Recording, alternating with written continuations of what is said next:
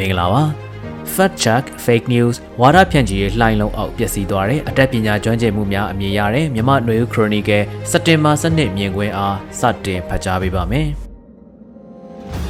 2016ခုနှစ်မှ2020ခုနှစ်ထိအမေရိကန်သမ္မတအဖြစ်ရွေးကောက်ခံရပြီးတာဝန်ယူခဲ့သူဒေါ်နယ်ထရန့်က၎င်းကိုမကောင်းပြောသည့်သတင်းဖော်ပြချက်များကိုသတင်းဝေဖန်မှုများပြောဆိုမှုများကိုသတင်းအမှားအဖြစ်လွယ်လွယ်ခေါ်ဝေါ်သမုတ်လိုက်ပြီး၎င်း၏တက်တန်းတစ်လျှောက်နာမည်ကြီးသတင်းဌာနအချို့ကိုဝေဖန်တိုက်ခိုက်လာပါတယ်။အိမ်ပြူတော်သတင်းစာရှင်းလင်းပွဲတွင်သတင်းသမားကိုစက်မမေးတော့ရန်တားမြစ်သည်ကိုမလိုက်နာလို့အိမ်ပြူတော်ဝန်ထမ်းကိုယ်တိုင်ကသတင်းတောက်လက်ထက်ကမိုက်ဆွဲယူသည်ကိုသတင်းတောက်ကပြန်မပေးတဲ့အထိရုပ်ဆိုးသည့်ဖြစ်ရအထိမြင်ကြရပါတယ်။ အဲ့ဒီကိုအကြောင်းပြုပြီးအိမ်ပြူတော်သတင်းလိုက်ခွင့်ရုပ်သိမ်းခြင်းကိုလှုံ့ဆော်ခဲ့ပါတယ်။အထူးသဖြင့်၎င်း၏တက်တန်းတစ်လျှောက်တွင်လောက်ကျန်သတင်းဟုအတိတ်ပဲရသည့် fake news ဆိုသည့်စကားလုံးကိုအကြိမ်ပေါင်းများစွာသုံးနှုန်းပြီးမီဒီယာများ၏ဖော်ပြမှုများကိုတုံ့ပြန်ချပြခဲ့ပါတယ်။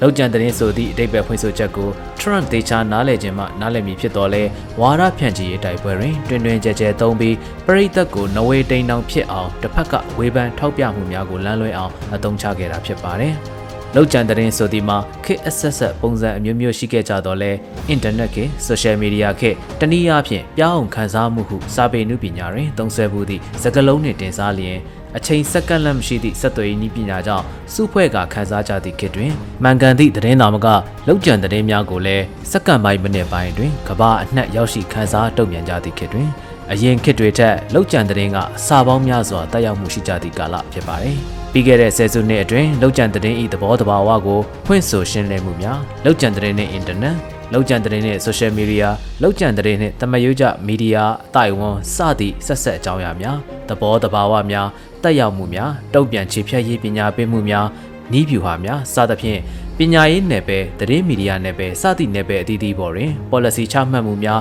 စီမံချက်များအသီးသီးဖြင့်လှုပ်ဆောင်ကြလာတာပဲဖြစ်ပါတယ်။သို့သောသမရထရန့်လက်ထက်တွင်လောက်ကျန်သတင်းဆိုသည့်စကားလုံးကိုအလွဲသုံးစားလုပ်ကာမိမိနှင့်မတည့်သည့်သတင်းမီဒီယာများကိုတိုက်ခိုက်ခဲ့တယ်လို့လောက်ကျန်သတင်းဆိုသည့်စကားလုံး၏လေးနက်မှုကိုလျော့ပါစေခဲ့တာဖြစ်ပါတယ်။ တနည်းအားဖြင့်လောက်ကျန်တဲ့င်းကိုဝါဒဖြန့်ချီရေးလက်နက်တစ်ခုအဖြစ်အသုံးချခဲ့တဲ့သဘောပါအခုမြန်မာနိုင်ငံတွင်လည်းစစ်ကောင်စီက၎င်းတို့မနှစ်သက်သည့်သတင်းဖော်ပြမှုများကိုလောက်ကျန်တဲ့င်းအဖြစ်လွယ်လွယ်ရွစွတ်ကလှည့်စားဖို့စ조사နေတာတွေ့ရပါတယ်ပြီးခဲ့တဲ့သတင်းတစ်ပတ်ကမြန်မာနိုင်ငံသတင်းမီဒီယာကောင်စီအဖွဲ့ဝင်တို့ဖြစ်သူဦးအေးချမ်းကအရှိတီမောနိုင်ငံဒီလီမြို့မှာကျင်းပခဲ့တဲ့အရှိတောင်အာရှနိုင်ငံချို့ကသတင်းမီဒီယာကောင်စီများရဲ့ညီလာခံမှာ မြန်မာနိုင်ငံရဲ့သတင်းလွတ်လပ်ခွင့်ပြဿနာကိုတခွန်းနဲ့ပြောရရင်လောက်ကျန်သတင်းတွေကြောင့်လို့ပြဿနာရဲ့အဓိကကြောရိုးအကြောင်းရင်းစတာတွေကိုဖုံးကွယ်ပြီးလောက်ကျန်သတင်းကြောင့်နိုင်ငံရဲ့အဖြစ်မှန်တွေနားမလည်ကြဘူးလောက်ကျန်သတင်းကြောင့်ပြဿနာကိုနားလည်မှုလွဲနေကြတယ်လောက်ကျန်သတင်းကြောင့်ပြဿနာပုံမကြီးထွားတယ်ဆိုတာမျိုးဝါဒဖြန့်ခဲ့တာဖြစ်ပါတယ်ဒီဖြစ်ရပ်ကိုကြည့်ရင်၎င်းတို့ကိုနာမည်ပြက်စေခဲ့တဲ့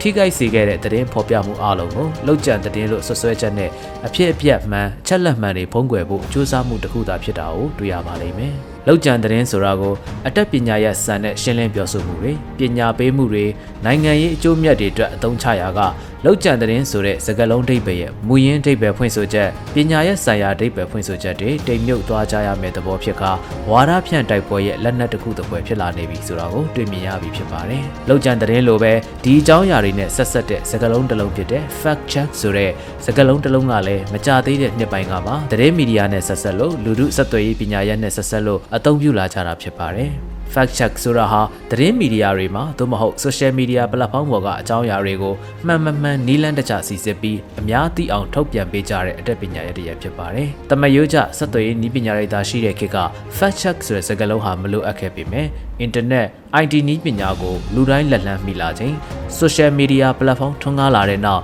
သတင်းဌာနတွေသတင်းဌာနအမိခံထားတဲ့ website တွေ page တွေ Twitter က post တွေတင်ပြတဲ့သတင်းတွေကိုလိုအပ်တဲ့အခါစီစစ်အတည်ပြုဖို့ကိစ္စကအရေးပါလာပါတယ်။သတင်းပါအချက်လက်တွေကိုစီစစ်ဖို့ဓာတ်ပုံတွေကိုစီစစ်ဖို့ဗီဒီယိုကလစ်တွေကိုစီစစ်ဖို့သက်ဆိုင်ရာ data ပုံကိုဖွဲ့စည်းတွေကိုစုံစမ်းအတည်ပြုဖို့လိုတယ်လို့ IT နည်းပညာနဲ့ internet အချက်လက်တွေနဲ့တိုက်ဆိုင်စစ်ဆေးခြင်းဖြင့်လောက်ကျန်ဖန်တီးထားတဲ့သတင်းတွေကိုပေါ်ထုတ်အသိပေးတဲ့လုပ်ဆောင်မှုကို fact check လို့ခေါ်ကြတာဖြစ်ပါတယ်။ဒီစကလုံးတွေပေါ်ထွက်လာတာဆယ်စုနှစ်တခုတသားအတွင်းအခုအခါမှာ fact check ဆိုတဲ့စကားလုံးကိုလည်းအလွဲသုံးစားလုပ်တဲ့လှုပ်ဆောင်မှုတွေအများပြားတွေ့လာရပါပြီ fact check လို့ဆိုတိုင်းယုံကြည်လို့မရတော့တဲ့အနေအထားလို့ဆိုရမှာပါ ဝါရဖြန့်ဖွဲ့စည်းတွေက fact check အဖွဲ့လို့နာမည်တက်ပြီးပြည်သက်ကိုလှည့်ပြားနေတယ်မိမိတို့နဲ့မူဝါဒမတူတဲ့မိမိတို့နဲ့ရည်ရွယ်ချက်မတူတဲ့အဖွဲ့အစည်းတွေရဲ့ထုတ်ပြန်ချက်သတင်းတွေကို fact check လုပ်တယ်ဆိုပြီးတံပြန်ဝါဒဖြန့်လှုံ့ဆော်မှုတွေလှုပ်လာကြတဲ့ခေတ်ကိုရောက်ကြပြီလို့ဆိုရမှာပါအလားတူပဲ fact check ကိုနိုင်ငံရေးအကျိုးမြတ်အတွက်တော်၎င်းစီးပွားရေးအကျိုးအမြတ်အတွက်တော်၎င်း